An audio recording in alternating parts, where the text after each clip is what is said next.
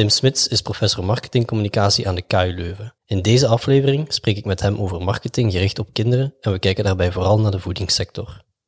Tim is niet uitgesproken voor of tegen kindermarketing, maar hij pleit wel voor een gezonde balans. Belangrijk om te weten is dat deze aflevering werd opgenomen nog voor de COVID-19 of coronacrisis in Europa echt uitbrak. Dag Tim. Dag Sam. Uh, Tim, het is de eerste vraag die ik bij iedereen stel, die heb je op voorhand niet doorgekregen, maar ik vermoed dat je me dat kunnen beantwoorden. Kunt je jezelf eens voorstellen? Ik ben Tim Smits. Ik ben uh, van opleiding psycholoog en statisticus, maar via veel omzwervingen, relevante omzwervingen, ben ik uh, uiteindelijk prof geworden in de persuasieve en marketingcommunicatie aan de KU Leuven. Doe ik intussen uh, ruim tien jaar dus. Oké, okay. wat zijn de, de onderzoeken waar je nu op dit moment mee bezig bent? De onderzoeken zijn meestal gericht op voedingsmarketing, vooral uh, kinderen, adolescenten. Um, maar ik heb een beetje wat problemen om mij te concentreren op één ding, dus ik doe wel meer dingen daarnaast. Okay. Um, maar um, laat ons zeggen dat mijn allerbelangrijkste onderzoekslijn altijd wel voedingsmarketing is. Ja. ja, wat zijn de dingen die je daarnaast nog doet? Wat interesseert u nog? Well, ik heb een uh, onderzoekslijn over CSR-communicatie. Ik heb, iets, ik heb recent een, een doctoraat mee uh, begeleid over um, uh, online consumer reviews. Ik doe uh, wat onderzoek over native advertising. Um, en ik doe ook nog onderzoek over statistiek. Um, dus, voilà. Oké. Okay. Uh, dan moet ik binnenkort nog eens terugkomen, want vandaag wil ik het eigenlijk enkel en alleen hebben over die, die kindermarketing, marketing naar kinderen toe. Mm -hmm. Er is meer en meer over te doen tegenwoordig. Ik wou eigenlijk met de deur in huis vallen door te vragen, waarom moeten we kindermarketing zo in de gaten houden? Ja, er is gewoon inderdaad meer en meer aandacht ook voor. Uh, dat komt deels ook omdat academici er meer en meer um, bewijs voor aandragen, dat, er, uh, dat er een probleem mee is. Um, tegelijkertijd gebeuren er ook wel echt, echt gekke dingen, waar we dan misschien biedt wel over kunnen hebben. Um, kindermarketing wordt meestal ook bekeken als uh, marketing gericht op kinderen jonger dan 12 jaar. En voor die leeftijdsgroep hebben we nu toch voor een aantal productcategorieën kunnen aantonen al dat er echt wel problemen zijn. Um, sommige dingen komen ja, echt als een soort, uh, als een stukje gezond verstand. Hè. We weten dat het, uh, dat je geen porno moet adverteren voor kinderen onder de 12 jaar. Dat is, dat is redelijk logisch, dus dat is bij wet ook verboden om dat soort dingen te doen. Dat is ook enfin, uh, voor, voor iets oudere leeftijdsgroepen ook verboden. Voor tabak hetzelfde. Um, voor voeding hebben we daar een, een langere strijd voor moeten voeren en is die strijd eigenlijk nog altijd gaande. Um, maar er duiken ook allerlei nieuwe dingen wel, uh, wel op natuurlijk. Hè. Er is een, nu bijvoorbeeld een, een soort um, Europees geldende afspraak over vanaf welke leeftijd mogen jongeren eigenlijk op sociale media zitten. Dat is mhm. deels eigenlijk ook een, te begrijpen vanuit dezelfde uh, achtergrond. Uh, maar we hebben bijvoorbeeld hier binnen ons eigen onderzoeksinstituut hier aan, aan de KU Leuven hebben wij ook nog een, een ja, beginnende onderzoekslijn enfin, we hebben de eerste onderzoeken al wel gedaan, maar we proberen dat verder uit te bouwen over, over gok. Er is nogal wat reclame voor pure gokdiensten en tegelijkertijd zijn er ook heel veel andere zaken die eigenlijk ja, een soort uh, sluikreclame voor gokken zijn. Hè. Als je kijkt naar heel veel spelletjes die jongeren spelen, zijn dat eigenlijk ook gewoon reclames voor een soort van gokverslaving. Ja. Um, dus er wordt op heel veel fronten eigenlijk wel wat druk uitgeoefend door academici en door consumentenverenigingen um, om toch kinderreclame en, en allerlei zaken die rond ja, consumentenhoudingen en, en gedragingen van kinderen uh, daar rond circuleren, om dat toch te gaan reguleren. Ja. Is het dan vooral een probleem um, in verband met de producten die geadverteerd worden, of zijn er ook problemen met de advertenties zelf? Beiden, denk ik. Um, er zijn ook problemen bijvoorbeeld met advertenties uh, die een, uh, een oneigenlijk beeld van de realiteit uh, mm-hmm. afbeelden. Ehm, denk maar bijvoorbeeld aan, aan ja, de hoeveelheid mooie mensen en, en halfnaakte mensen ook vaak die in reclames optreden, die, die ja, onterechte stereotypen de wereld insturen. Um, maar het gaat deels ook over de producten zelf, die waar natuurlijk over geadverteerd wordt. En dat heeft deels ook te maken met het feit dat um, ja, het marketinggeld niet um, evenredig verdeeld is in de wereld. Hè. Een gezond dieet bestaat bijvoorbeeld uit vooral veel producten die weinig marketingbudget hebben. Je moet veel groentjes eten en veel fruit eten. Nu, groentjes en fruit die hebben typisch heel weinig marketingbudget. Wat heeft er wel veel marketingbudget? Ja, dat is alles wat dat enorm verwerkt uh, is qua voeding. Dus heel enfin, relatief ongezonde dingen waarvan we er eigenlijk wat minder zouden moeten eten. Dus ja, als het marketingbudget vooral daar zit waar, uh, waar er ongezonde uh, effecten van te verwachten zijn, ja, dan moeten we dat echt gaan reguleren wel. Um, kijk ook maar naar gewoon wereldwijd. De, de grootste gezondheidscrisis die wereldwijd op ons afkomt, of ja, dit gesprek uh, vindt plaats ten tijde van het coronavirus, maar het, het grootste um, ja, probleem dat op ons afkomt is, is letterlijk gerelateerd aan voeding. Uh, er is wereldwijde kinderobesitas, wat dan rechtstreekse gevolgen heeft op hart- en vaatziekten, en dat is de wereldwijde killer nummer één. Um, ja, een stuk van de oorzaak daarvan uh, is wel marketing. Ja, je zegt, er zijn er is niet voldoende geld bij de, de gezonde producten om daar aan marketing te doen. Hoe kunnen we dat dan verhelpen? Wie, wie zou dat dan wel gaan moeten promoten? Well, ik denk een deel dezelfde spelers. Um, ik, ik, denk dat ik daar dan een, een, mening heb die dat wel verschilt van een aantal van mijn academische collega's. Die voor een, een volledige regulering of, of uh, verbanning van reclame naar kinderen dan bijvoorbeeld, mm uh, zouden, zouden, die dat daarvoor zouden willen pleiten. Ik pleit zelf al langer voor een, een wat meer ja, evenredige marketing, um, waarbij de meeste voedingsproducenten bijvoorbeeld ook wel alternatieven hebben in de gezondere voedingsproducten, maar ze besteden daar veel minder marketingbudget aan. Uh, maar je zou in principe de grote retailers van deze wereld, maar ook een aantal voedingsproducenten wel kunnen zeggen van kijk, je mag gerust nog verder blijven adverteren, maar uw balans moet er een zijn die ook eigenlijk in, in relatie staat tot een gezond dieet. Dus je zult eigenlijk moeten adverteren wat een gezond dieet is. Met andere woorden, als je per se ongezonde dingen wilt adverteren, dan zul je drie keer zoveel geld moeten stoppen in gezondere producten. Um, een, een, een, mooi voorbeeld dat we bijvoorbeeld in België hebben, is wel wat, uh, wat Studio 100 ooit begonnen is. Ze zijn begonnen met, met plopkoeken, lang geleden. Um, uh, maar los van de plopkoeken en de Samsonworst hebben ze ook um, uh, tomaatjes en, en bananen en appeltjes en een heleboel ook in de markt gezet voor kinderen. Ja. Akkoord, hun marketing, of het, het, budget was niet misschien in, ever, in evenredigheid met echt een gezond dieet, maar ze hebben tenminste wel getoond dat je dat ook kunt doen. En dat, ze hebben daar zelfs een, een, een businessmodel opgebouwd dat eigenlijk steek houdt. Uh, andere spelers moeten het ook, ook niet kunnen. eenvoudiger, omdat zij verkopen eigenlijk vooral ook hun personages of hun bekende mhm. personen. Maar zij hebben, denk ik zelf, niet die groente in-house als, als product. Nee, maar ze hebben wel aangetoond dat er daar in principe, als je slim bent, dat je daar wel een markt voor kunt vinden. Hè. Bijvoorbeeld, um, ze zijn er zelf mee verantwoordelijk voor dat kinderappels, dat dat een concept geworden is. Hè. Mm vijftien jaar geleden, dan waren appels alleen beschikbaar in volwassen formaat. En alle volwassenen vonden dat eigenlijk te grote appels voor hun kinderen. Maar ironisch genoeg, kleine appels die werden niet verkocht in de winkels, want die brachten op de veiling niet voldoende op, dus daar werd appelmoes van gemaakt. Het is mee dankzij spelers zoals Studio 100 dat men beseft heeft van, weet je wat, we zullen die goedkopere appels opkopen. We kleven daar een sticker op van Kabouter Plop en verkopen die tegen de prijs van een volwassen appel per kilo. Dus in plaats van zes grote appels kopen mensen acht kleine appels voor ongeveer dezelfde kiloprijs en ze krijgen er een stickertje van Kabouter Plop bij. En eigenlijk wint iedereen. Ja. Die appels die worden niet gewoon uh, gebruikt voor appelmoes, ze worden als volwaardige appel gegeten. Ze worden verkocht voor een meerprijs, dus ja, Studio 100 en de retailer winnen er wat bij. En de ouders winnen er wat bij, want plots willen hun kinderen wel appels eten. Dus in principe is er een businessmodel voor te vinden, maar je moet inderdaad wellicht wat slimmer zijn. Uh, maar ik denk dat dat wel iets is wat we onder andere dan van voedingsproducenten kunnen vragen. Hè, dat, uh, ja, er komt een gezondheidscrisis op ons af, of die is al op ons afgekomen en die wordt nog erger. Ze zijn deel de oorzaak, maar ze kunnen ook een deel van de oplossing zijn. Ja, duidelijk. Uh, laten we even doorgaan over, over plop enzovoort. In Nederland is er een verbod gekomen, of gaat er een verbod komen? Het is er gekomen, maar, maar ze zijn nog in een overgangsperiode. Maar dat ze zeggen van goed, kinderidolen, endorsers, mogen niet meer gebruikt worden voor ongezonde voeding. Hebben die echt zo'n grote invloed, die, die endorsers?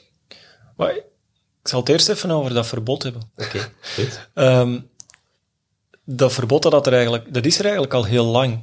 En dat is, dat is eigenlijk wel ook te gek voor woorden. Dat is Europees afgesproken. Ook in België geldt eigenlijk dat verbod. Um, wij hebben ons met een heel aantal voedingsproducenten in België ook aangesloten bij de EU Pledge, waarin dat uh, in de laatste versie staat dat ook endorsers niet meer zullen gebruikt worden. Um, en verschillende bedrijven en organisaties hebben daar op allerlei momenten al CSR-advertising uitgehaald. -hmm. Waarbij ze eigenlijk eerst gezegd hebben van kijk, we hebben dat akkoord gesloten, dat is intussen een paar jaar geleden.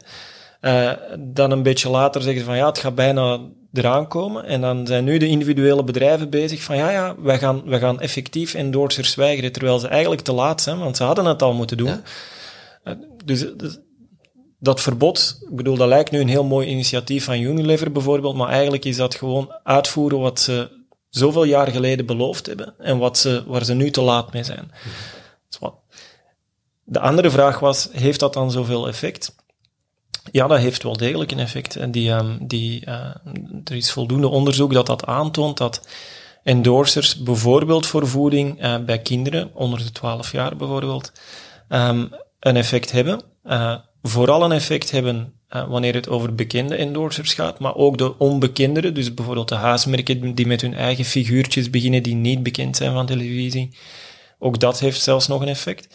Um, en jammer genoeg is het effect ook sterker, zien we in veel onderzoek, voor uh, ongezonde voeding dan voor gezonde voeding. Wat niet wil zeggen, het werkt ook voor gezonde voeding. Dus een kabouterplop op een tomaat of op een, of op een appel werkt ook. Ja maar minder goed dan op koek. Dat is, uh, dat is wel een feit. En als we dan toch het meeste effect willen halen uit die gezonde voeding, wat is dan de perfecte endorser voor, voor kinderen, zeg maar? Mm -hmm. Um, dat hangt heel hard ervan af van uh, welk, uh, welke leeftijdscategorie het is natuurlijk. Um, ik denk ook, um, maar daar is eigenlijk te weinig onderzoek over om, om dat duidelijk te maken, of om dat echt te kunnen illustreren, dat relevantie en congruentie met het karakter, dat dat eigenlijk, dat dat ook nog een, een sterke driver zou kunnen zijn. Dus we zien nu vaak dat, dat die um, licensed characters, dat die bijvoorbeeld worden ingehuurd en dan zijn dat gewoon celebrities voor kinderen. Die worden gewoon ingehuurd voor wat dan ook. Uh, ik denk eerlijk gezegd dat er nog wat relevantie te halen, enfin, winst te halen valt uit relevantie als uh, Kabouter Plop op een gegeven moment zelf tomaatjes zou zijn beginnen kweken in, in, uh, in de televisieserie, dan denk ik dat de tomaatjes echt nog wel veel beter zouden verkocht zijn. Of appeltjes of whatever. Dus met dat soort van relevantie zouden we echt wel iets kunnen doen. Uh, net zoals dat Minions met bananas ja. het eigenlijk ook veel beter zouden moeten doen. Um, dus dat werkt het best. Maar verder ja, gewoon een karakter dat goed aanspreekt. Um, bij de leeftijdsgroep waarbij je een verschil wilt maken, dat zal het het beste doen. Dus bij kinderen werkt dat in principe redelijk eenvoudig. Het is vanaf dat, zo, dat, het wat dat je over wat oudere leeftijden spreekt, dat het veel moeilijker wordt om de juiste endorser te vinden. Een kleine sidetrack. Ik heb het in de intro niet vermeld, maar je was een van mijn favoriete professoren toen ik uh, zelf aan de KU Leuven studeerde, communicatiewetenschappen. En ik weet niet of ik het nog goed herinner van, van mijn examen. Dus bij mijn examen nooit komen kijken, dus we gaan het nu weten. um, daar was de vraag dat mild incongruente endorsers soms beter werken dan volledig congruente. Mm -hmm. Klopt ja. dat? Was ik daar juist? Ja, goed onthouden, ja. Geweldig, hè. Um, altijd leuk dat studenten toch een aantal relevante dingen onthouden. um, Dat klopt zeker. Dus uh, voor kinderen is het redelijk eenvoudig. Hoe congruenter, hoe beter. Um, omdat, uh, enfin, om, zeker bij jonge kinderen, omdat zij niet zo ver kritisch doorredeneren. Uh, vanaf dat, dat je spreekt over, over pubers of volwassenen, dan um, is het zo dat onderzoek aantoont dat, althans voor bekende merken, mm -hmm. dat zo'n endorser die past, maar net niet helemaal past, dat hij het net wat beter doet. De reden waarom dat dat um, wellicht is, is omdat hij dan toch zo even zo dat, dat gevoel van, tja, waarom? Hè, dat hij dat oproept. Heb je daar een voorbeeld van? van? Well, ja, um, bijvoorbeeld een voorbeeld uit, uit een van de studies die dat, dat heel mooi aantoont, is uh, iemand als een Roger Federer. Ja. Um, die is heel congruent om tennisrackets aan te prijzen. Maar Federer is een nog betere endorser voor bijvoorbeeld luxe artikelen zoals een, een, een horloge, een chique horloge, een maatpak of whatever. Omdat hij wel een bepaalde klasse en elegantie uitstraalt. Um, en dat begrijpen we wel, klasse en elegantie, maar tegelijkertijd is wel een sportman. Dus een sportman bij een, een, een luxe pak, een, een, mooi, uh, een mooi maatpak, zo even zo van, tja, ah ja, ja, ja, maar ja, het past wel. Ja. En dat tja-moment, zo van, wat doet dat hier? Eh, dat is net even genoeg om onze aandacht er wat bij te krijgen, maar het moet wel snel genoeg zijn dat we begrijpen waarom dat die endorser is. Ja. Op basis van de oudere literatuur tot, tot en met uh, de jaren 2000 dachten we van, ja, hoe beter die persoon past bij het merk, hoe beter het voor het merk is. Ja. We weten nu dat, dat, eigenlijk, dat die heel eenvoudige regel, dat die vooral goed is voor beginnende merken. Merken die, waar, waarbij mensen nog niet genoeg merkbekendheid hebben, nog niet genoeg merkassociaties. Daar moet je vooral met zo'n heel congruente endorser gaan werken, omdat je dan inderdaad ja, de, de makkelijke relatie gaat leggen en dat je aan mensen uitlegt, kijk, ons merk dat je nog niet kent, is eigenlijk net zoals deze persoon die je wel heel goed kent. Bedankt voor de sidetrack. Ik ga even terug naar, naar het, hoofdtopic, de kindermarketing. Ja, we hebben het juist gehad over, over dat ze in Nederland de, uh, de endorsers afschaffen. Unilever gaat in België dan wat verder, heb je daar juist zelf ook aangehaald.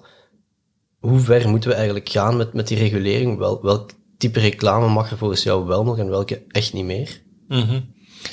um, wat, ik bots daar wat tussen twee, uh, twee stemmen in mijn hoofd, denk ik. Uh, ik ben enerzijds wel uh, pro-reclame en, en in die zin ook wel tegen een te strikte regulering. Um, langs de andere kant zie ik wel dat als je iets toelaat, dat er plots heel veel gedaan wordt en dan, dan is het hek van de dam.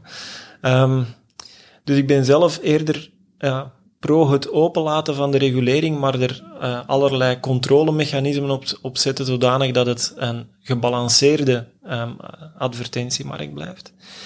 Waar ik wel meer schrik van heb, is eigenlijk het feit dat we collectief gewoon naar die kinderen bijvoorbeeld zijn gaan kijken als afgegrensd op 12 jaar. Ja. Uh, want daar gebeuren nu heel gekke dingen mee. En, uh, dat is iets wat ik deels um, toeschrijf, of waarvan ik de schuld geef aan mijn, mijn vroegere collega's binnen mijn eigen domein dan. Dat is dat er ooit dat idee ontstaan is van ja, kinderen tot 12 jaar begrijpen reclame nog niet zoals volwassenen het, het doen.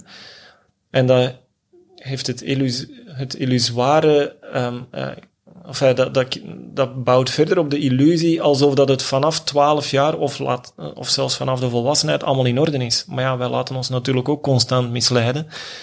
Um, maar dat heeft ook als gevolg gehad dat, men, dat je nu ziet dat bijvoorbeeld een aantal van de merken die echt wel ongezonde, ongezonde voeding en uitsluitend ongezonde voeding in de markt zetten, dat die een enorme focus hebben op 12 tot 18-jarigen. En daar gebeuren echt de vreedste dingen, vind ik zelf.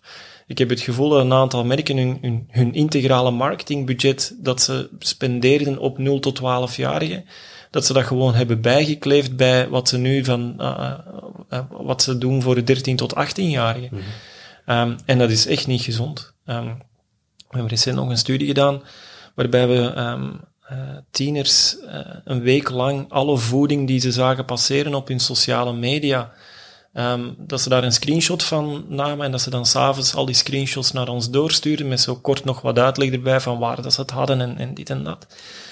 De hoeveelheid echt ongezonde bagger dat die, dat die pubers te zien krijgen op een redelijk cruciaal moment in hun leven toch ook, dat is ontstellend, uh, maar dat creëert bovendien ook het, het rare idee bij die tieners dat zij constant denken dat al hun vrienden. Wat dat dus niet waar is, maar dat al hun vrienden fastfood eten elke avond. Want wat zien zij op hun sociale media? Dat is alleen de fastfood. Zij zien niet de 95% van hun vrienden die thuis braaf um, aardappelen met veel groentjes en een beetje vlees of vis of kip of whatever aan het eten zijn. Dus de normale, laten we zeggen, saaie gerechten zien zij niet. Ze zien alleen de excessen. En dat zijn echt ongezonde excessen. Dat zijn hun vrienden die dat posten. Maar heel opvallend in die leeftijdsgroep was ook de hoeveelheid betaalde advertenties op die sociale media van ongezonde voedingsproducenten. ehm, een hoeveelheid die ik als volwassene echt nooit tegenkom. Ehm, dus dat integrale marketingbudget gespendeerd aan pubers van die producenten, dat is echt ongehoord veel. Ja, en je kan ook natuurlijk niet voorkomen dat iemand die, die jonger is als 12 jaar die advertentie ook ziet. Nee, officieel mogen ze niet op sociale media zitten. Ehm, in België hebben we daar een leeftijdsgrens die, die trouwens wat liberaler is dan in sommige andere Europese landen. Terwijl Unilever nu stiekem eigenlijk onlangs heeft toegegeven door te zeggen, we gaan onze influencers, waarvan we weten dat ze goed liggen bij de 8 tot 10-jarigen, die gaan we niet meer gebruiken. Daar geven ze eigenlijk mee toe dat ze zelf doorhebben dat, um, dat die min 12-jarigen ook op sociale media zitten. Dus inderdaad, die min 12-jarigen, die, uh, die worden daar ook nog mee geconfronteerd. Ja. ja. Mag ik vragen, wat is, wat is uw, uw visie op de, die influencer trend tegenwoordig? Omdat ik denk dat je op, op uh, sociale media nog veel meer mag dan, dan in de gereguleerde mm -hmm. marketingwereld, zeg maar. Omdat ik bijvoorbeeld op mijn eigen sociale media wel nog zie dat mensen gerust een foto kunnen posten waarop dat ze roken. Ik denk dat ook influencers dat mogelijk kunnen doen. Ja, in België lopen we heel hard achter wat, wat betreft regulering. Uh, ik vind het altijd opmerkelijk om te zien dat um, de zogezegd liberale landen um, dat die vaak veel verder staan dan wij. In, in uh, het Verenigd Koninkrijk hebben ze al, al jaren regulering over sociale media. Akkoord, ze zou, enfin, influencers op sociale media, die regulering die zou best ook wel wat scherper daar nog kunnen. In Nederland hebben ze ze al redelijk lang. In België hadden we ze bijna en dan heeft ineens de sector daartegen gereageerd. En dan zijn eigen zelfregulering naar voren geschoven. Ik blijf dat een, een, ja, een fout signaal ook vinden van de sector, dat ze dat eigenlijk te sterk afzwakken. Ja. Moeten influencers ook meer bezig zijn met hun rol op, op kinderen, op de dingen die ze promoten? Ja, dat denk ik wel. Um, er zijn wel redelijk wat influencers die echt wel op die, op die markt zitten. Um, het is eigenlijk ook, fijn, dat is iets typisch ook van de, ja, um, van de, de, psychologische ontwikkeling van het, het kind en de puber bijvoorbeeld, om, om op te kijken naar mensen die net iets ouder zijn. En wat ik nu echt wel bizar vind, is dat, dat je dan 14-jarige influencers hebt voor 12-jarigen. En dat je 12-jarige influencers hebt voor 10- en 9-jarigen en zo. Dat, dat is een hele gekke wereld. Op een medium waar ze eigenlijk niet mogen zitten.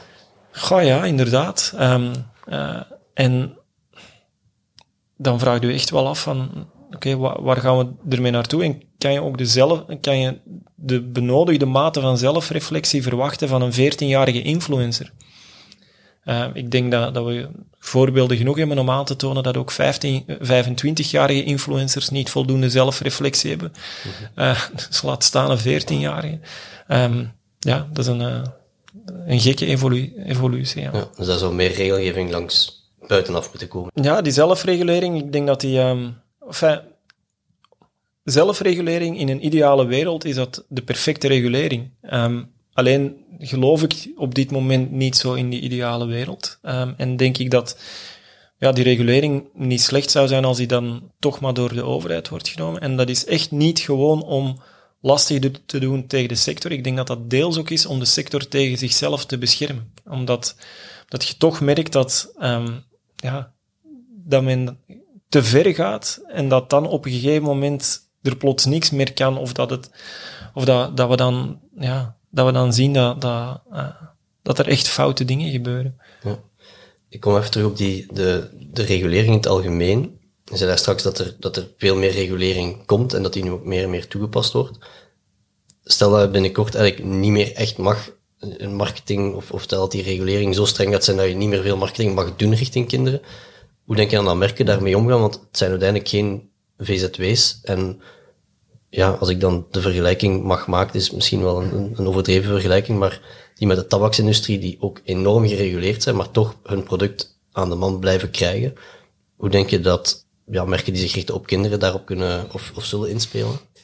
Ja, dat is een, um, dat is ook iets wat ik, enfin, dat is een van de redenen waar ik, waarmee ik soms probeer mijn, mijn uh, collega's ook te overtuigen dat we niet um, alles kapot moeten reguleren, maar dat we moeten proberen om um, ja, pardon, zinvol dingen toe te laten, zodanig dat de mainstream reclame nog wel blijft bestaan.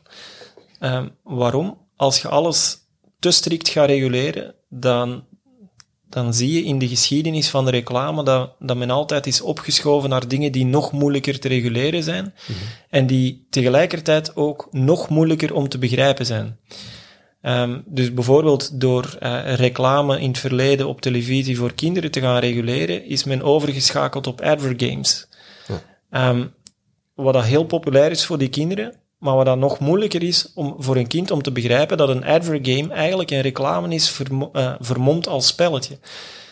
Terwijl gewoon een reclameblok op tv herkennen, dat is iets wat een kind al redelijk snel kan. Um, maar dus al die meer impliciete vormen, um, product placement, advergames, um, of gewone subtiele banner advertising, uh, influencer marketing, al dat soort dingen is gewoon veel moeilijker om, uh, om te herkennen als kind. En ik denk dus dat iedere keer dat je zo een stapje verder gaat reguleren, dat er nog veel subtielere vormen gaan, gaan bijkomen. Um, dus ik denk dat we daar vooral gewoon gedoseerd moeten reguleren en ervoor zorgen dat de mainstream dingen eigenlijk populair genoeg blijven en, en ja, de logische uh, advertentievorm blijven.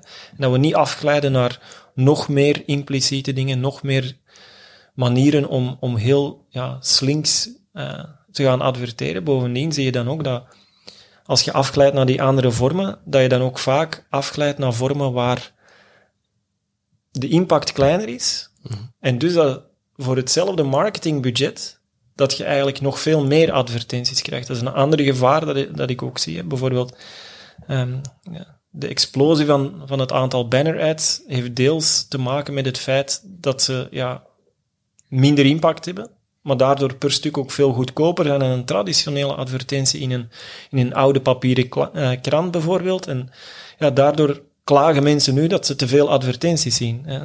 Een ander ding dat gereguleerd is, maar dan op volwassen niveau, de, de hele, de hele um, GDP-regeling en bijvoorbeeld het, uh, uh, het feit dat, dat mensen nu um, stilletjes aan beginnen blijkbaar uh, alle getargete advertenties ook te haten en zo, dan denk ik ook van ja, maar mensen weten wel wat dat je aan begint, want als je geen getargete advertenties meer wilt, dan krijg je dus niet getargete advertenties mhm. die veel goedkoper zijn en je gaat dus honderd keer meer advertenties krijgen in plaats van tien keer minder. Als, ik probeer dat zelf ook af en toe in mijn lessen uh, uit te leggen, dat als we nu allemaal 100% voor getargete advertenties zouden gaan, dan zouden bijvoorbeeld de dag door kunnen gaan met 50 extreem getargete advertenties, maar het zullen ook alleen die 50 zijn. Ja. Dat is een heel andere dan de 3000 advertenties die je nu krijgt, bijvoorbeeld. Ja.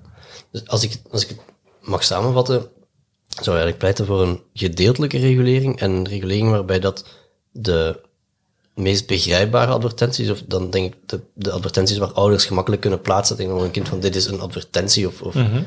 dat je daarvoor bent. Ja. En gebalanceerd. Ja.